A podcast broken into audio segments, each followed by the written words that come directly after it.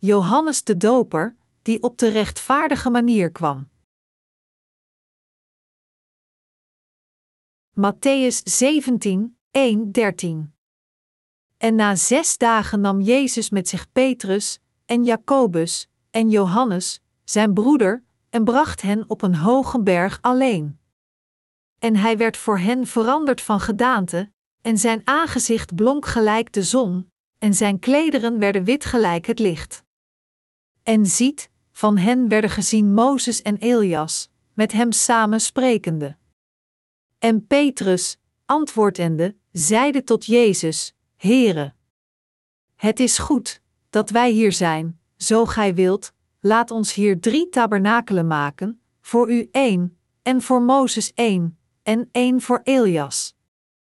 Terwijl hij nog sprak, ziet, een luchtige wolk heeft hen overschaduwd, en ziet, een stem uit de wolk, zeggende: Deze is mijn geliefde zoon, in de welke ik mijn welbehagen heb, hoort hem. En de discipelen, dit horende, vielen op hun aangezicht en werden zeer bevreesd. En Jezus, bij hen komende, raakte hen aan en zeide: Staat op een vreest niet. En hun ogen opheffende, zagen zij niemand dan Jezus alleen. En als zij van den berg afkwamen, gebood hun Jezus, zeggende: Zegt niemand dit gezicht, totdat de zoon des mensen zal opgestaan zijn uit de doden. En zijn discipelen vraagden hem, zeggende: Wat zeggen dan de schriftgeleerden, dat Elias eerst moet komen? Doch Jezus antwoordende, zeide tot hen: Elias zal wel eerst komen en alles weder oprichten. Maar ik zeg u, dat Elias nu gekomen is, en zij hebben hem niet gekend, doch zij hebben aan hem gedaan, al wat zij hebben gewild, alzo zal ook de zoon des mensen van hen lijden. Toen verstonden de discipelen dat hij hun van Johannes den Doper gesproken had. De geschrifte passage van vandaag komt uit Matthäus 17, 1, 13. Hier wordt er gezegd dat Jezus drie van zijn leerlingen, Petrus, Jacobus en Johannes meenam naar een hoge berg. Daar gebeurde iets verbluffends.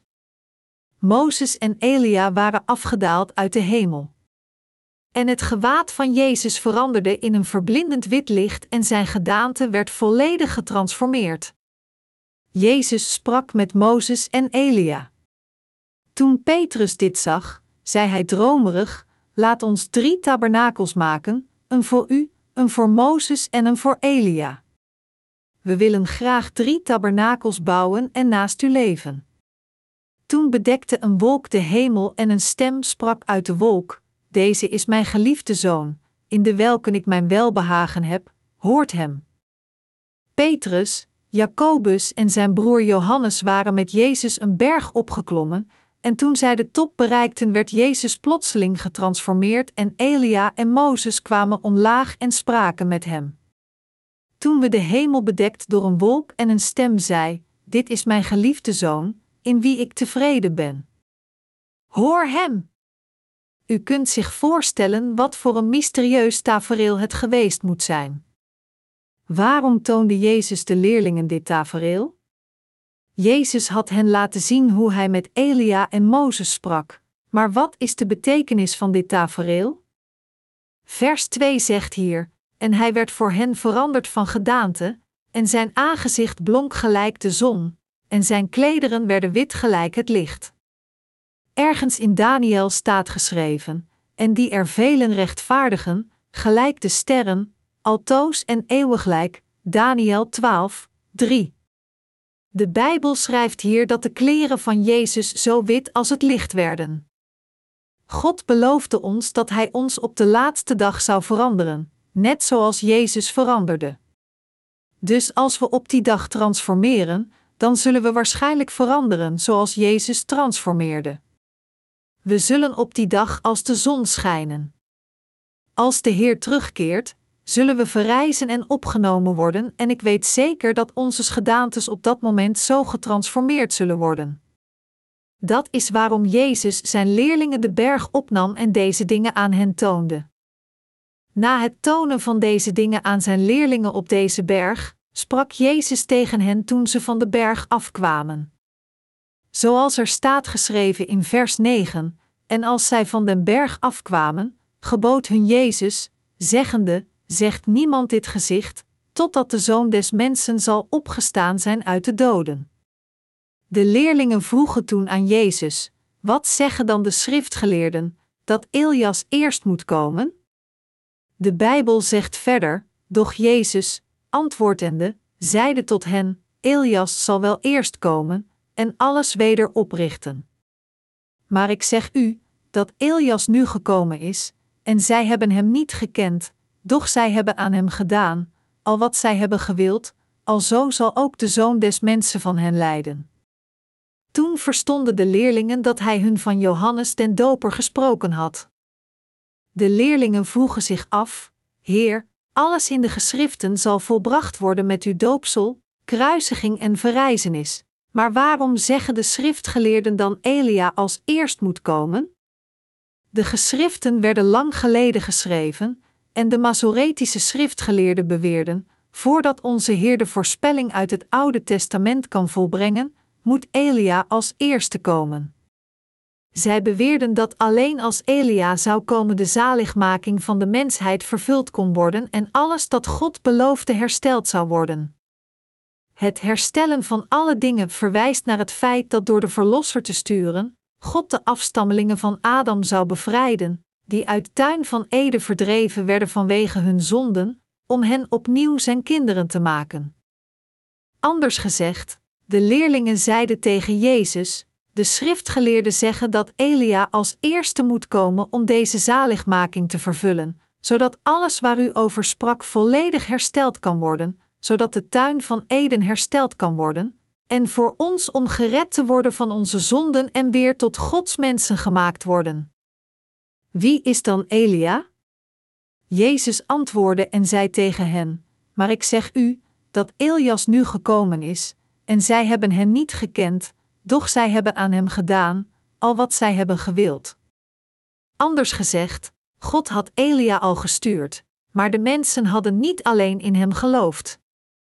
Jezus zei verder: Alzo zal ook de zoon des mensen van hen leiden, daarmee aangevend dat net zoals Johannes de Doper veel op deze aarde had geleden, zo ook Jezus zou lijden.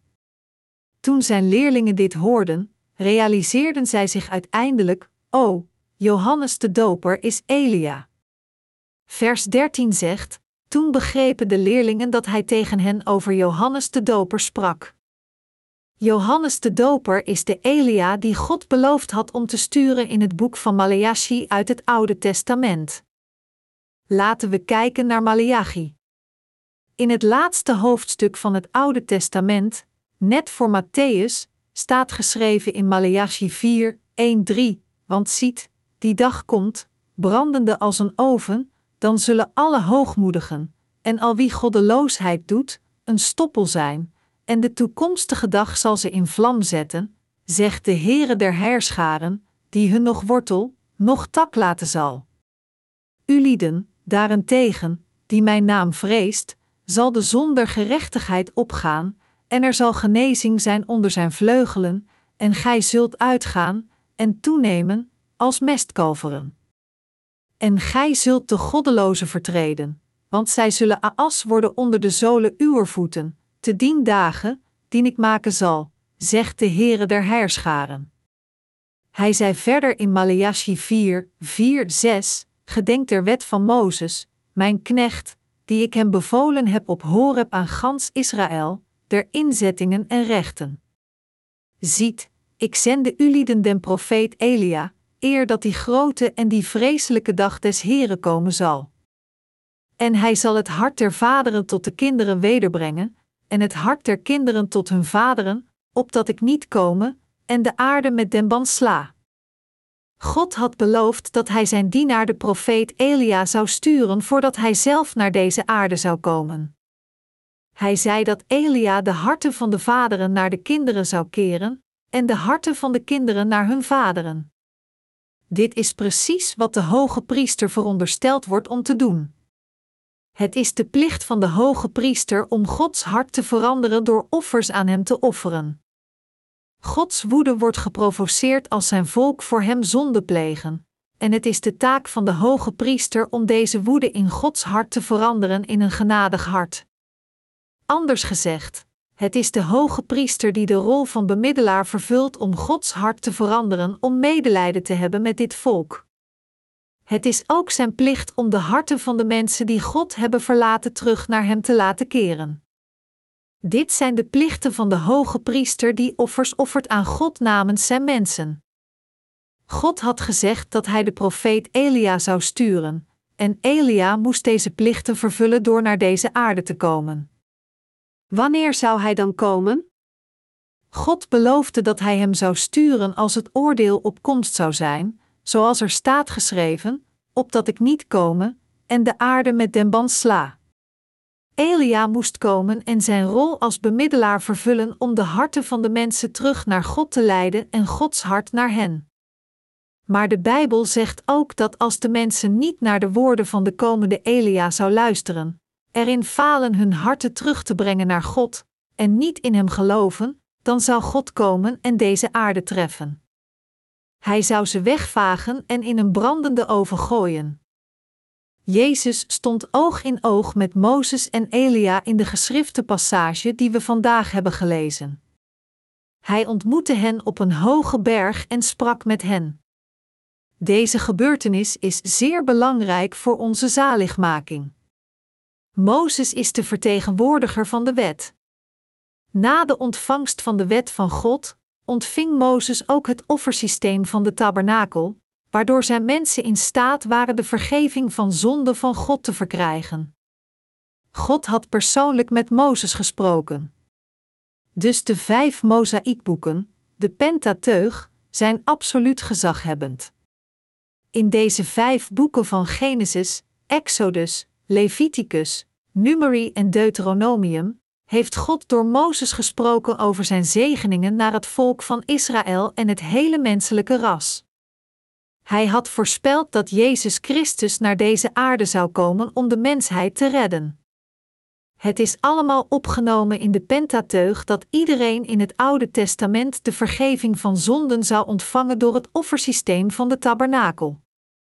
In overeenstemming met het vereiste met dit offersysteem van de tabernakel, zou Jezus Christus naar deze aarde komen en al de zonden van de mensheid voor eens en altijd uitwissen. God had alles door Mozes gesproken. Wat vertellen de overgebleven boeken van het Oude Testament, van Josua tot Maleachi, ons dan? Zij zeggen tegen ons: Houd u aan de wet van God. Als u idolen aanbidt en de wet niet gehoorzaamt, dan zal God u oordelen. Vanaf het boek van Josua en verder gaat het Oude Testament over de cyclus van zonde en berouw waar het volk van Israël doorheen ging.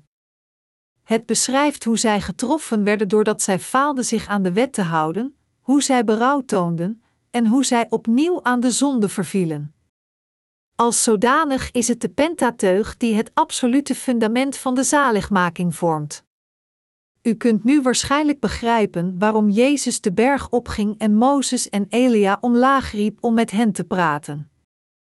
Elia was een dienaar van God die het afgodische volk van Israël terug naar de Heer had geleid, getuigde tegen hen: God is de ware God. Jehovah God is de ware God. Echter, de Elia voorspelt in het boek van Maleachi, die voor de Heer moest komen om zijn weg voor te bereiden, verwijst naar niemand anders dan Johannes de Doper, waar Jezus getuigenis over droeg als de grootste van al diegenen geboren uit een vrouw. Matthäus 11 uur 11. Jezus zei in Matthäus 11 uur 14: En zo gij het wilt aannemen, hij is Elias, die komen zou, en hij zei ook in Matthäus 11, 11, 12: Voorwaar zeg ik u, onder degenen die van vrouwen geboren zijn, is niemand opgestaan meerder dan Johannes de Doper, doch die de minste is in het koninkrijk der hemelen, is meerder dan hij.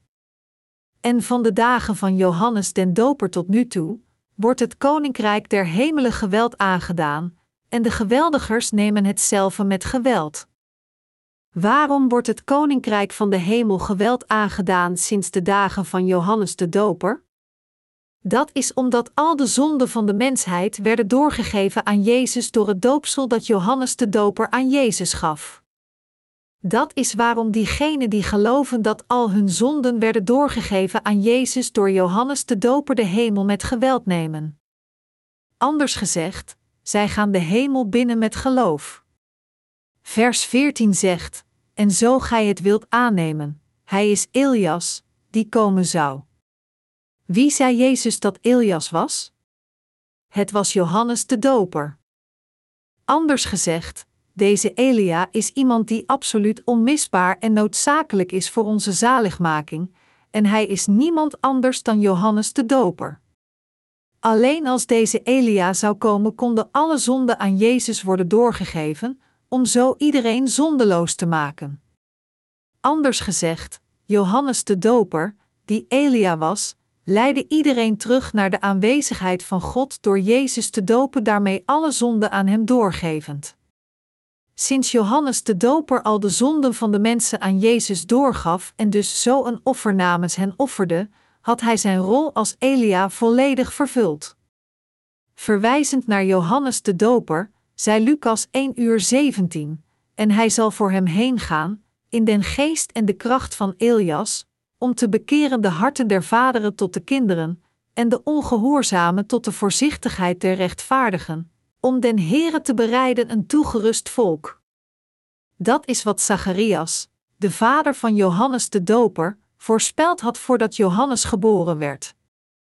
De voltooiing van onze zaligmaking is de vervulling van heel de wet en de artikelen van het offersysteem dat God gesproken had door Mozes. Door Jezus Christus, zijn Zoon, naar deze aarde te sturen, heeft God de Vader ons gered, wij die alle voorbestemd waren om naar de hel te gaan voor ons falen om de wet te houden.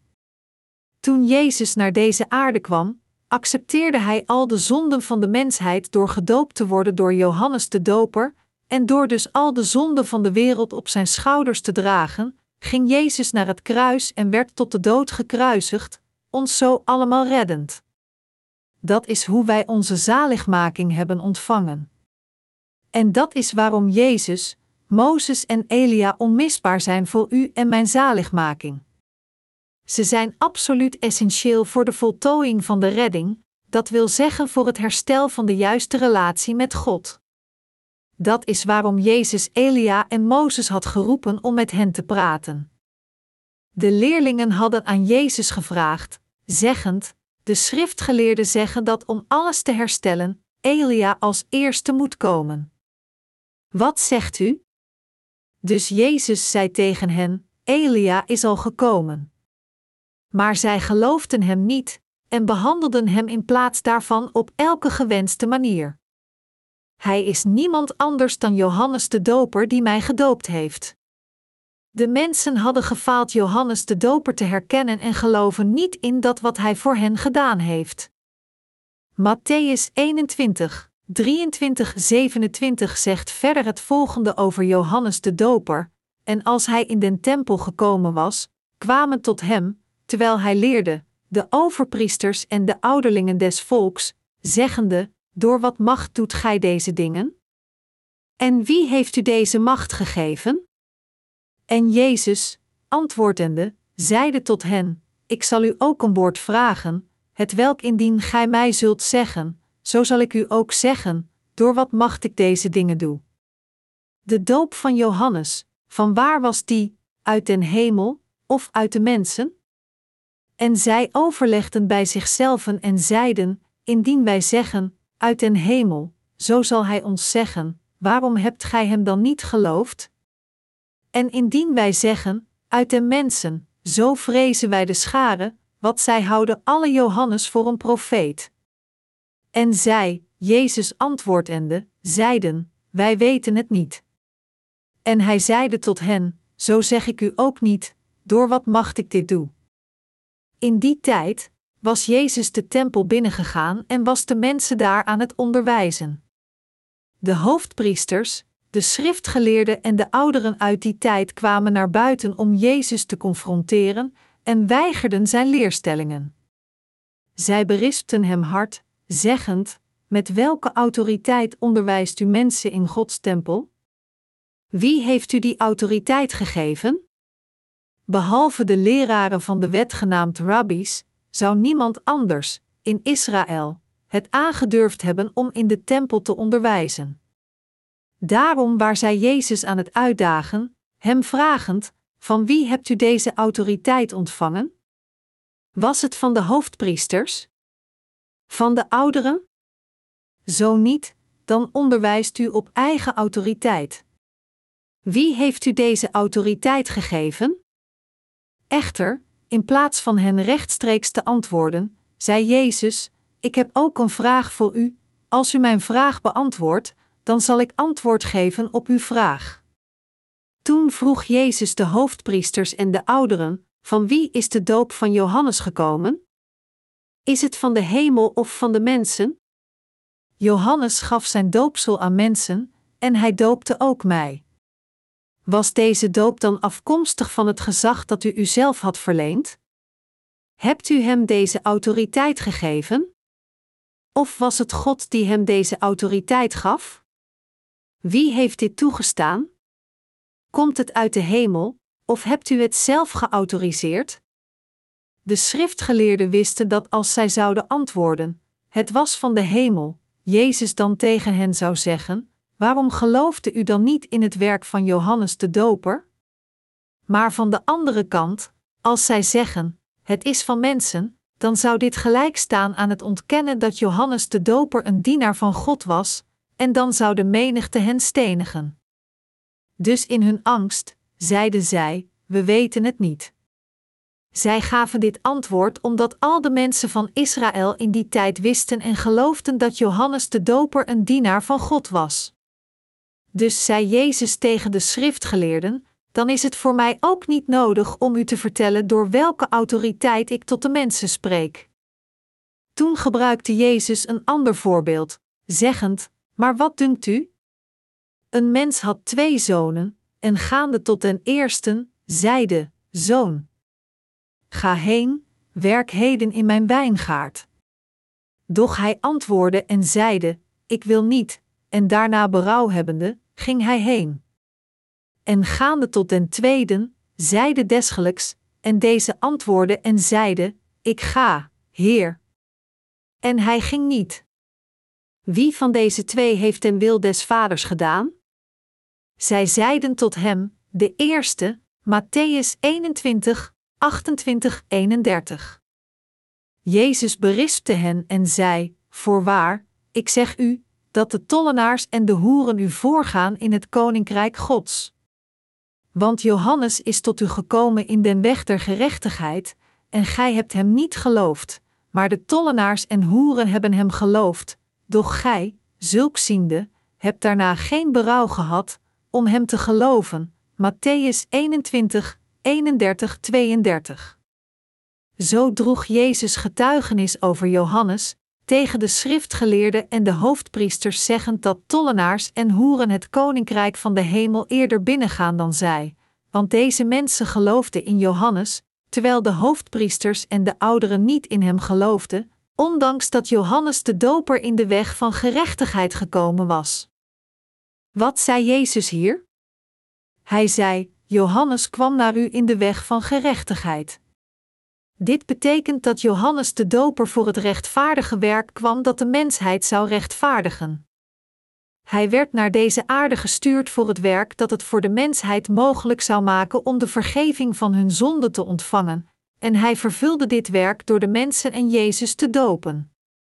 Maar ondanks dit geloofden de Joodse leiders uit die tijd niet dat God de Vader Johannes de Doper gestuurd had, om dit werk van het uitwissen van ieders zonde te vervullen, nog geloofden zij in zijn doopsel. Dat is de reden waarom Jezus hen berispte. Bovendien vertelde Jezus hen ook: zelfs tollenaars en hoeren zullen het koninkrijk van de hemel eerder binnengaan dan u. Tollenaars en hoeren hadden Johannes wel geloofd. Zij hadden geloofd dat Johannes de Doper een dienaar van God was, en door Jezus te dopen, had hij al de zonden van de mensen doorgegeven en hen volledig weggewassen. Wat is de betekenis van het doopsel van Johannes? Het woord dopen betekent gewassen worden. Net zoals het opleggen van handen uit het Oude Testament, houdt de doop in dat men zijn handen op een andere persoon legt en hem in water onderdompelt. Wanneer de handen zo worden gelegd, worden de zonden doorgegeven. Deze instelling werd door God ingesteld en is dus voor iedereen effectief. Als u een persoon die bezeten is door een demon zijn handen op uw hoofd laat leggen, dan wordt deze demon aan u doorgegeven. Als iemand probeert in tongen te spreken, en een andere persoon die in tongen spreekt vanuit zijn bezetenheid zou zijn handen op het hoofd van een andere persoon leggen en bidden. Dan wordt de demon doorgegeven aan die persoon en degene die net het opleggen van handen had ontvangen zal ook in tongen beginnen te spreken door bezetenheid. Als men luistert naar preken gepredikt door een bezeten persoon, dan is het hoogst waarschijnlijk dat hij ook in tongen begint te spreken. Zulke mensen kunnen plotseling een aanval krijgen, koortsachtig in tongen spreken, op de grond gaan rollen en allerlei soorten lawaai maken. Dit komt omdat demonen bij hem binnen zijn gekomen. Tegen die tijd zullen de boze geesten die iemand anders hebben bezeten hen ook zijn binnengevallen. Zo betekent het opleggen van handen doorgeven. Mijn medegelovigen, het woord doop betekent als eerste het wassen van onze zonden. Iedereen roepend om gedoopt te worden, zei Johannes, was uw zonde weg. U moet gereinigd worden van uw zonden. Aan het volk van Israël gaf Johannes de doper het doopsel van berouw dat hen de vergeving van hun zonden liet ontvangen, Marcus 1, 4, maar hij doopte ook Jezus. Maar deze specifieke doop was het doopsel dat al de zonden van de mensheid aan Jezus doorgaf. Het doopsel dat Jezus ontving van Johannes de Doper was het doopsel dat elke zonde van iedereen wegwaste. Daarom betekent dopen, gewassen worden, begraven worden en doorgegeven worden. Mijn medegelovigen, wat moest er gedaan worden om onze zonde weg te wassen? Zodat onze zonden weggewassen konden worden, was het absoluut noodzakelijk dat Johannes de Doper zijn handen op Jezus zou leggen om al de zonden van het hele menselijke ras aan hem door te geven. Wat moest er dan gebeuren nadat onze zonden werden doorgegeven aan Jezus? Sinds Jezus al onze zonden accepteerde, moest hij sterven en begraven worden in de grond. Dat is waarom Jezus, na het schouderen van al de zonden van de mensheid door gedoopt te worden, naar het kruis ging als het lam van God en in onze plaats stierf. En daarom werd Jezus begraven. Jezus had gevraagd: Wat is het doopsel van Johannes? Maar de religieuze leiders van Israël hadden geen aandacht gegeven aan het doopsel van Johannes. Dus Jezus tegen hen: Johannes kwam naar deze aarde in de weg van gerechtigheid, en terwijl tollenaars en hoeren hem geloofden, had u geen berouw en geloofde hem niet ondanks dat u hem zag. U zult rechtstreeks naar de hel gaan. Net zoals het geschreven staat in Maleachi, op de laatste dag zult u in het midden van een brandende oven gegooid worden, geplaatst in het midden van extreme woede. God zou de profeet Elia sturen en hij moest de harten van de vader naar hun kinderen bekeren, dat is het hart van God voor zijn kinderen. Hoe? Dit zou zijn door Johannes de Doper te sturen, de vertegenwoordiger van de mensheid en de grootste ooit geboren uit een vrouw. Door Jezus te dopen, de Zoon van God en onze Verlosser, gaf Johannes de Doper al onze zonden door aan Christus. Hierdoor leidde Johannes de woede van God, die voor ons bestemd was om naar Jezus Christus zijn Zoon, en maakte het voor ons allemaal mogelijk die God niet konden benaderen vanwege onze zonden, moedig voor Zijn aanwezigheid te komen door in deze waarheid te geloven. Door in dit evangelie van het water en de geest te geloven, dat Johannes de Doper al de zonde van de wereld aan Jezus doorgaf door hem te dopen, en dat Jezus al deze zonden schouderde en voor hen aan het kruis veroordeeld werd, is de mensheid nu staat om voor God te komen staan. God liet Johannes de Doper zijn rol als de man verantwoordelijk voor Jezus doopsel vervullen, zodat God genade zou hebben met al diegenen die in Jezus Christus geloven en in het ambt van Johannes de Doper om hen als zijn eigen kinderen aan te nemen. Anders gezegd, Johannes de Doper speelde een bemiddelend rol. Er staat geschreven: Hij zal het hart der vaderen tot de kinderen wederbrengen. Als de laatste priester van het Oude Testament volbracht Johannes de Doper volledig zijn rol als bemiddelaar. God heeft de instelling van het offersysteem gevestigd en het bekendgemaakt aan het volk van Israël door Mozes. Dus al de Israëlieten offerden hun offers aan God gebaseerd op het principe van vertegenwoordiging, en hier was Johannes de Doper, die zijn plichten als hun laatste hoge priester vervulde. Hij is de vertegenwoordiger van de mensheid, de grootste ooit geboren uit een vrouw. Jezus zei dat vanaf de dagen van Johannes de Doper tot nu toe de hemel geweld wordt aangedaan. Dit betekent dat Johannes de Doper de laatste hoge priester uit het Oude Testament is die de cruciale rol van het doorgeven van al de zonden van de wereld aan het Lam van God vervulde om de poort van de hemel te openen. God had beloofd Elia te sturen, en deze Elia is niemand anders dan Johannes de Doper. God heeft gezegd dat Elia de harten van de vaders naar de kinderen zou keren en de harten van de kinderen naar de vaders. Johannes de Doper offerde het eeuwige offer namens ons. In het Oude Testament bracht het volk van Israël hun offerdieren naar de hoge priester en hij offerde deze dieren namens hen, maar nu is dit offer veranderd. De Zoon van God zelf werd ons verzoenoffer.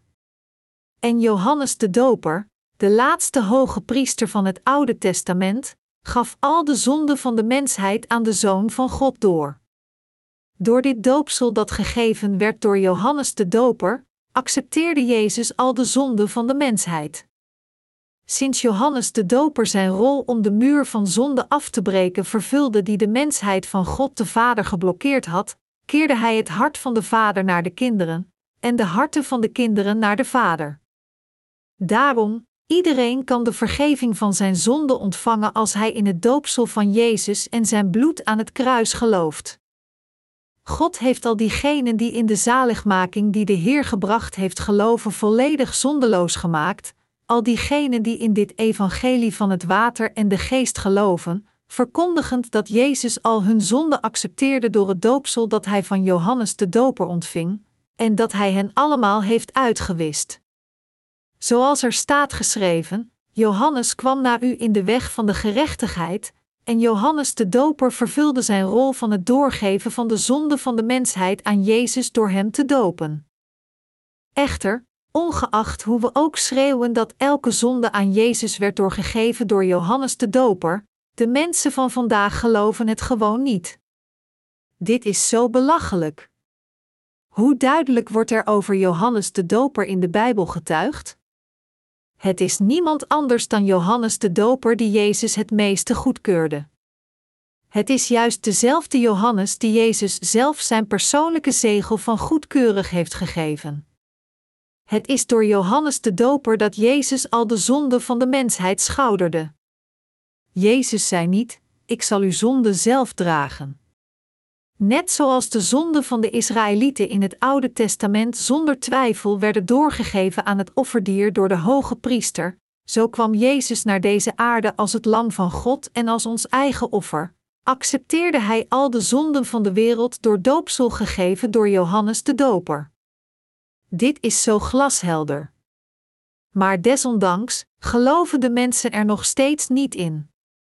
Toen Jezus op deze aarde was, weigerden de religieuze leiders in die tijd, de schriftgeleerden van de wet en ouderen van de Israëlieten niet alleen te geloven in Jezus, maar zij geloofden ook niet in datgene wat Johannes voor hen had gedaan.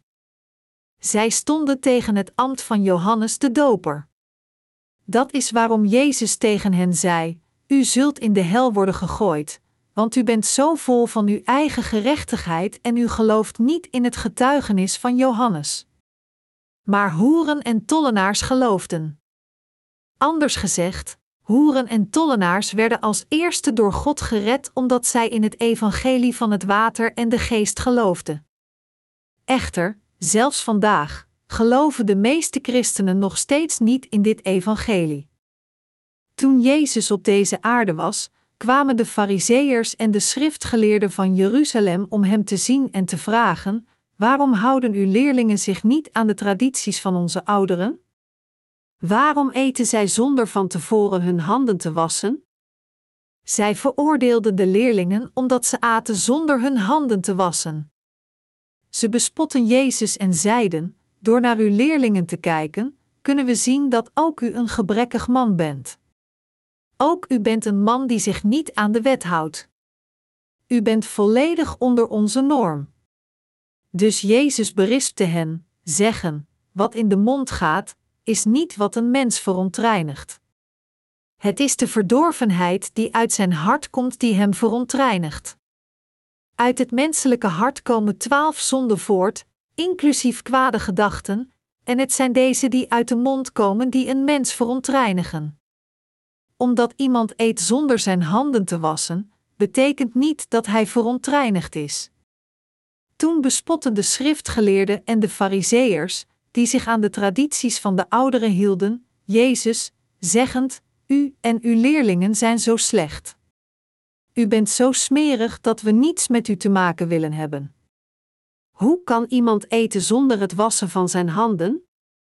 De tradities van onze voorvaderen zeggen duidelijk dat iedereen zijn handen en voeten moet wassen wanneer hij van buiten weer naar binnen in zijn huis gaat, en het beveelt ons deze tradities te houden, maar u weigert zich hieraan te houden. Ze veroordeelden Jezus gebaseerd op oppervlakkige dingen.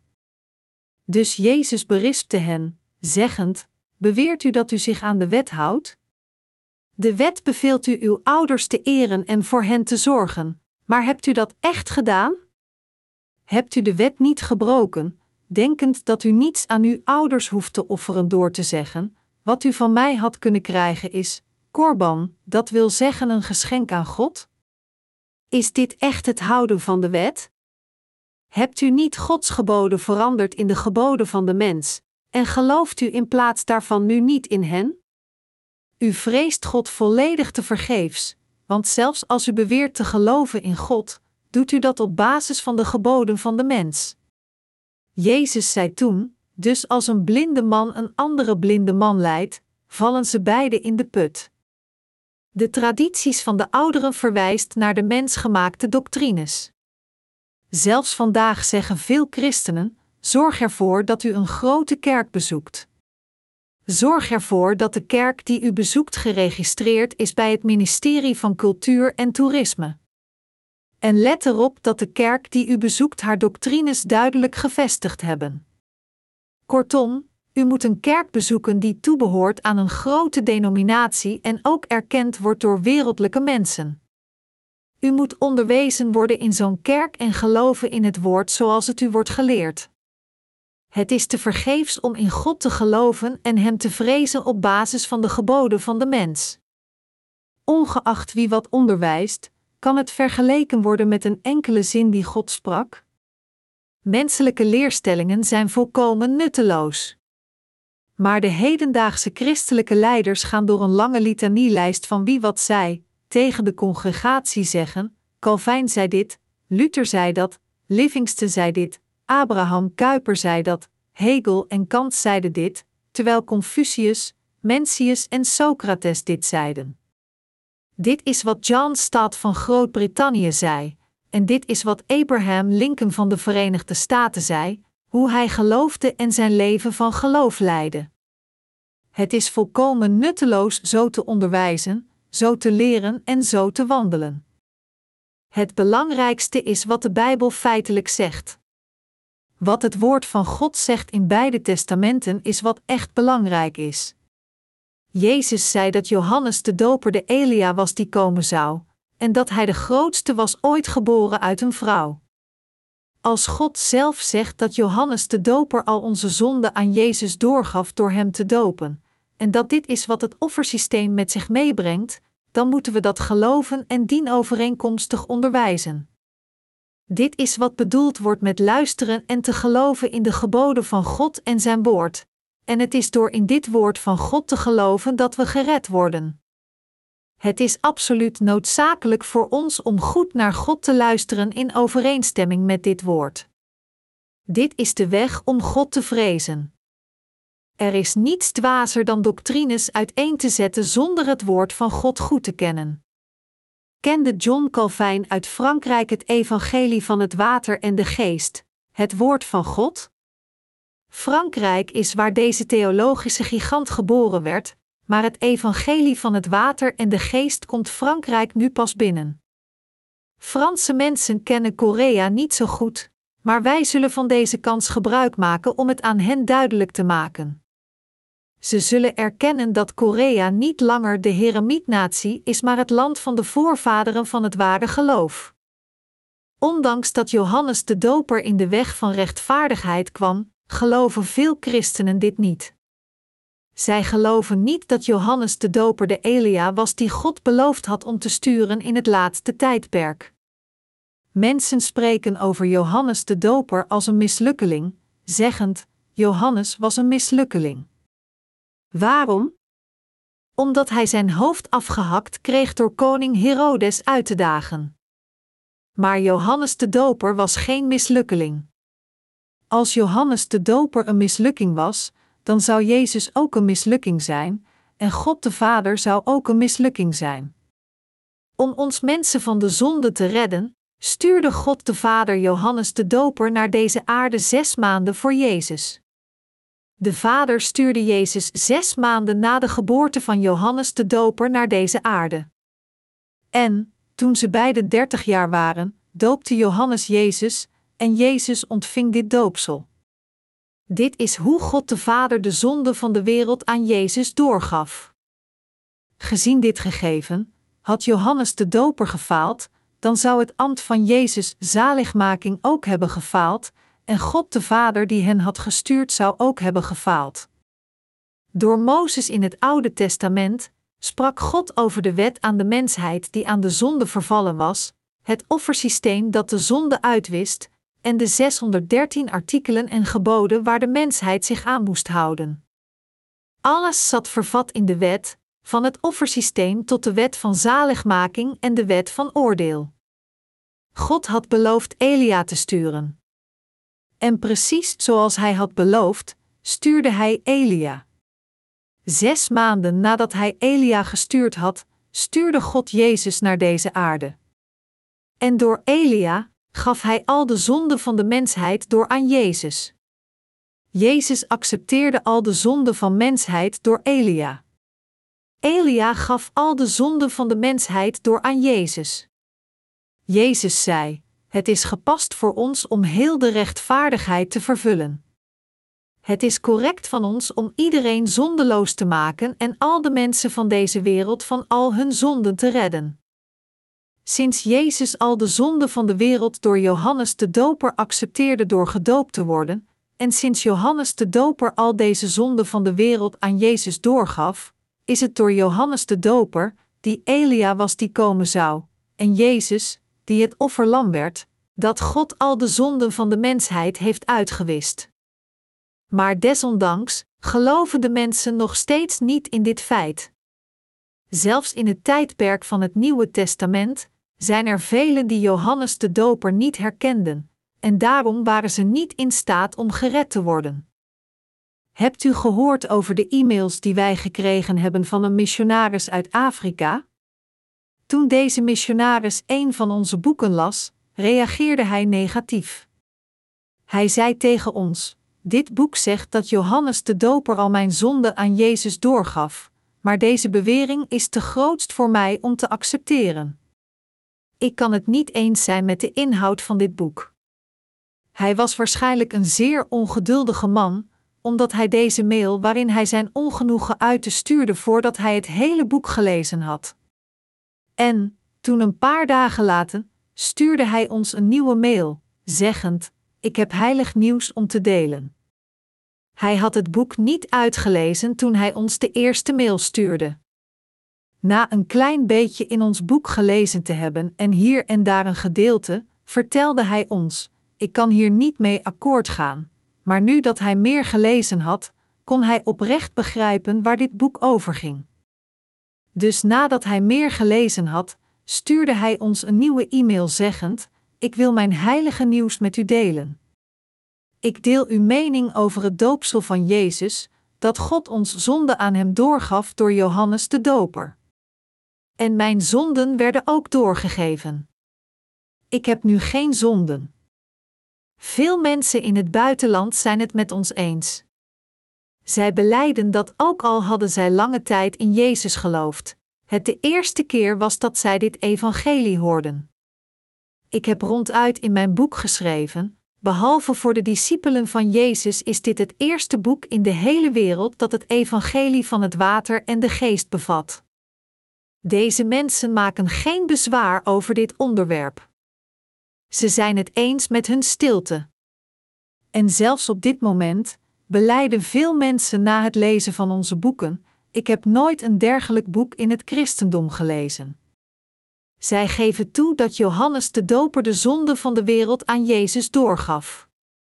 Zij accepteren in hun harten dat Jezus de zonde van de wereld van Johannes de Doper accepteerde. Zij accepteren dit na het lezen van een enkel boek. In het begin, sinds dit evangelische woord voor hen onbekend is, denken zij dat het overdreven is. Maar wat gebeurt er als het evangelie uitgelegd wordt aan de hand van de Bijbel? dan gaan ze het accepteren. Dus nu worden talloze buitenlanders opnieuw geboren. Op dit moment worden nieuwe gelovigen wedergeboren. In hun woonkamers en badkamers lezen talloze mensen onze boeken met het oog op geloof en zij geloven nu in het evangelie, tegen zichzelf zeggend: dan heb ik geen zonden. Het is precies zoals de Bijbel zegt. Dan schrijven ze naar ons: ik wil graag iets groots met u delen. Ik geloof dat Jezus al mijn zonden schouderde door gedoopt te worden. De hele mensheid is het ermee eens dat Jezus onze zonden naar het kruis droeg en gekruisigd werd. Zelfs de duivel is het hiermee eens. Maar sommige mensen vallen we nog steeds aan, zeggend: Hoe komt het dat alleen Pastor Jong dit weet? Waarom praat alleen hij hier de hele tijd over? Waarom kan alleen hij deze dingen in de Bijbel vinden? Hoeft hij alleen maar deze dingen te vinden? Ik hoef ze niet te vinden. Het enige dat ik doe is de Bijbel lezen. Als de hele Bijbel over deze zaligmaking spreekt, is het dan niet onvermijdelijk dat ik de zaligmaking zie, zelfs als ik niet probeer om het te vinden? Toen ik begon met het lezen van de Bijbel, las ik veel. Ik las totdat ik zo vol was. Wat ik u hier probeer te zeggen is dat ik de Bijbel net zo goed ken als de zogenaamde Bijbeldokters. Iedereen over de wereld die in God gelooft zal gaan geloven in het doopsel van rechtvaardigheid die Johannes aan Jezus gaf, de weg van de gerechtigheid, want dit pad is maar al te duidelijk. Dit is waar de Bijbel over spreekt en dit werd voorspeld in het Oude Testament. Er staat geschreven: Ziet, ik zende u lieden den profeet Elia, eer dat die grote en die vreselijke dag des Heren komen zal. En hij zal het hart der vaderen tot de kinderen wederbrengen, en het hart der kinderen tot hun vaderen. Mensen keren nu terug naar God door het evangelie van het water en de geest. Sinds Johannes de Doper al de zonde van de mensheid aan Jezus doorgaf door hem te dopen, sinds hij al de zonde van deze wereld aan hem doorgaf, het enige dat zondaars hoeven te doen is terug te keren naar God door hierin te geloven. Hebben wij ons ook niet naar God gekeerd? Hebben wij niet gezegd dat wij geloofden? Natuurlijk deden we dat. Had Johannes de Doper niet dit werk gedaan, dan was zelfs de dood van Jezus nutteloos geweest. De redding zou onbereikbaar zijn geweest, ongeacht hoe diep ons geloof ook is, hoeveel we ook gehuild zouden hebben, hoe we ons zelf ook aan het martelaarschap zouden overgeven, hoe we al ons geld geofferd hebben, of hoe we anderen ook dienen.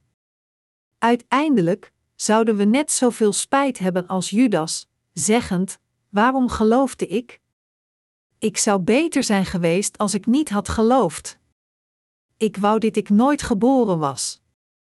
Echter, Johannes de Doper heeft al onze zonden aan Jezus doorgeven door hem te dopen, en daarom kunnen wij moedig voor God geloven. Mijn medegelovigen, Johannes kwam in de weg van gerechtigheid ons tot werktuigen van rechtvaardigheid makend. Jezus accepteerde al hun zonden door gedoopt te worden, zodat mensen de vergeving van hun zonden kunnen ontvangen. Door dit doopsel van Johannes te ontvangen, wiste Jezus al de zonden van de wereld uit. Jezus nam al de zonden van de wereld op zich, werd gekruisigd tot de dood en redde ons. Als het woord zegt dat dit zo is, dan moeten we allemaal hierin geloven. Jezus riep Mozes en Elia. En hij sprak met hen. Hoewel er in de Bijbel niet precies geschreven staat waar zij over spraken, is het duidelijk dat deze drie met elkaar spraken. Mozes vertegenwoordigt hier de wet. Hoe zit het dan met Elia? Hij vertegenwoordigt de hoge priester. Hij is de grootste priester ooit geboren uit een vrouw, dat wil zeggen, hij is de vertegenwoordiger. De Bijbel spreekt over de aarde. De aarde verwijst naar de harten van de mensen. Het verwijst naar hun zielen. Wat zegt het laatste vers in Maleachi? Het zegt: opdat ik niet komen en de aarde met den band sla. Dit betekent dat God zijn woede over al diegenen die niet in de waarheid van zaligmaking geloven zal uitgieten. U zult zich afvragen waarom ik dit weer opnieuw zeg als u allemaal al gelooft.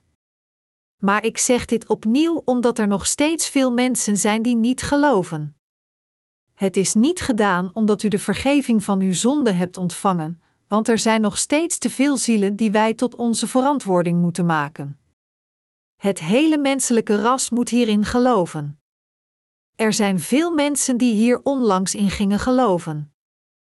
Ik zal onze evangelische krant blijven publiceren, hoe hoog de prijs van het papier ook wordt. Ik weet zeker dat velen die onze krant toevallig tegenkomen, stukje bij stukje zullen lezen en naar onze kerk zullen komen, zeggend: Kan iemand hier mij leiden? Ik wil hier naartoe komen en naar het woord luisteren. Ik had er geen idee van dat een dergelijk woord in de Bijbel stond. Een tijdje geleden bezocht een van onze heiligen uit de Dacienkerk een vrouw die een schoonheidssalon had en gaf haar een van onze kranten. Nadat de kapster klaar was met het lezen van onze krant, legde ze deze bovenop de koffietafel in haar salon. Een van haar cliënten las onze krant terwijl ze op haar beurt aan het wachten was, en zei tegen de kapster: Weet u waar deze kerk is? Kunt u mij naar deze plaats leiden waar zo'n fantastisch woord gepredikt wordt? Ik ben al sinds lange tijd christen, maar mijn zonden zijn nog steeds niet verdwenen. Wilt u mij alstublieft naar deze kerk leiden? Ze was in staat ons per telefoon te bereiken. De paaster van de Daasje kerk predikte het evangelie aan haar, en na het gehoord te hebben, ontving zij de vergeving van zonden. Mijn medegelovigen, het woord van God zal nooit verdwijnen. Het zal precies zo voor eeuwig blijven. Het kostbaarste nieuws in deze wereld is het woord dat verkondigt dat Johannes onze zonde aan Jezus doorgaf door hem te dopen dat Jezus al de zonde van de wereld schouderde en hen naar het kruis droeg, dat hij aan het kruis stierf en weer van de dood verrees, en dat hij ons daarmee allemaal heeft gered. Dit is het mooiste nieuws en het vreugdevolste nieuws. Het heeft een fantastische kracht, net zoals dynamiet, en het is een muziek die mooier is dan welke andere muziek dan ook. Gelooft u dit, mijn medegelovigen? Of verveelt u zich omdat ik dezelfde woorden keer op keer zeg? Mijn preken waren langer dan dit. Als ze echt lang waren, dan duurden ze soms drie uur. Ik ben eigenlijk heel attent tegenwoordig. Als ik alles zou prediken dat er in mijn hoofd zit, dan zou ik drie tot vier uur moeten spreken. Dus in vergelijking met het verleden zijn mijn preken tegenwoordig redelijk gematigd. Mijn medegelovigen, u kunt deze waarheid van het water en de geest alleen prediken als u het zelf kent.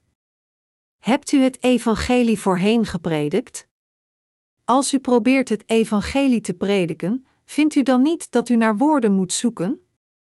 Alleen als u naar het woord van God in detail luistert, en het bevestigt en het in al zijn gedetailleerdheid kent, dan kunt u het evangelie concreet prediken wanneer iemand u uitdaagt met het woord, hem zich laten overgeven en zijn ziel redden. Zou u liever alleen gered zijn en de kennis van de waarheid voor u alleen willen houden? Als ik dat had gedaan, dan was ik lang geleden gestopt met het dienen van het evangelie nadat ik de vergeving van mijn zonden had ontvangen.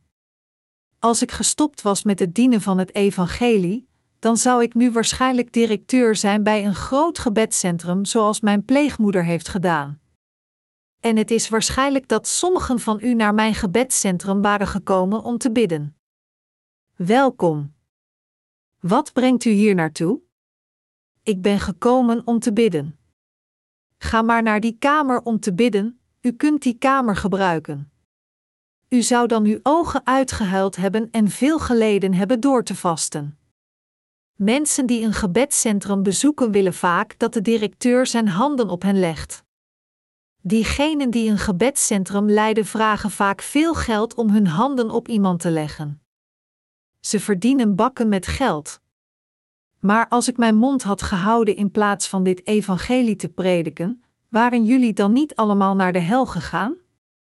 Als ik dit werk niet had gedaan, dan had God iemand anders dit werk laten doen, want Hij heeft de macht om zelfs deze steen in een afstammeling van Abraham te veranderen. Echter, ik kan de wil van God niet weerstaan en daarom predik ik het evangelie van het water en de geest. Dit is de reden waarom ik het evangelie van het water en de geest keer op keer tegen u blijf prediken. Ik moedig u aan ook dit evangelie aan anderen in concreet detail te prediken, in plaats van gewoon voor uzelf te leven. Probeer in detail op te schrijven wat u gehoord hebt over de geschrifte passage van vandaag. Bevestig dit en predik dit aan iemand anders precies zoals het is. Kijk of de andere persoon dan de vergeving van zonde ontvangen of niet. Hij zal het zeker ontvangen. Als hij verlost wordt van al zijn doorzonden door u, dan zal het koninkrijk van God ook in zijn hart komen. Misschien zijn sommigen van u op dit uur van aanbidding moe, sinds u vanmiddag voetbal hebt gespeeld. Ik hoorde dat onze zusters heel goed zijn in voetbal, maar tegenwoordig heb ik niet genoeg kracht om met u te voetballen. Ik moet het grootste deel van mijn tijd besteden aan het gezond maken van mijn lichaam, en daarom kan ik deze dagen maar af en toe naar buiten komen om te prediken. Ik ben gewoon te zwak om te veel rond te lopen. Aangezien mijn gezondheid de laatste tijd zo slecht is, ben ik dankbaar dat ik nu voor u sta om het woord te prediken. Inderdaad, God geeft was onmogelijk is mogelijk gemaakt. Mijn medegelovigen, moet niet elk menselijk wezen op deze aarde geloven waar Johannes de Doper over getuigde? Waarom geloven mensen dit niet, ondanks dat de Bijbel duidelijk zegt dat Johannes in de weg van gerechtigheid is gekomen? Iedereen moet in het getuigenis en het ambt van Johannes geloven. Het evangelie van het water en de geest dat Johannes de Doper samen met Jezus vervulde is de weg van zaligmaking waar iedereen in de wereld in moet geloven. Johannes de Doper kwam in de weg van gerechtigheid en gaf al de zonden van de wereld door aan Jezus door hem te dopen. En door deze zonden van de wereld te accepteren en aan het kruis te sterven, heeft Jezus ons allemaal van onze zonden gered. Iedereen moet in deze zaligmaking geloven en in de weg naar het koninkrijk van de hemel. Wij moeten allemaal deze zaligmaking door geloof bereiken.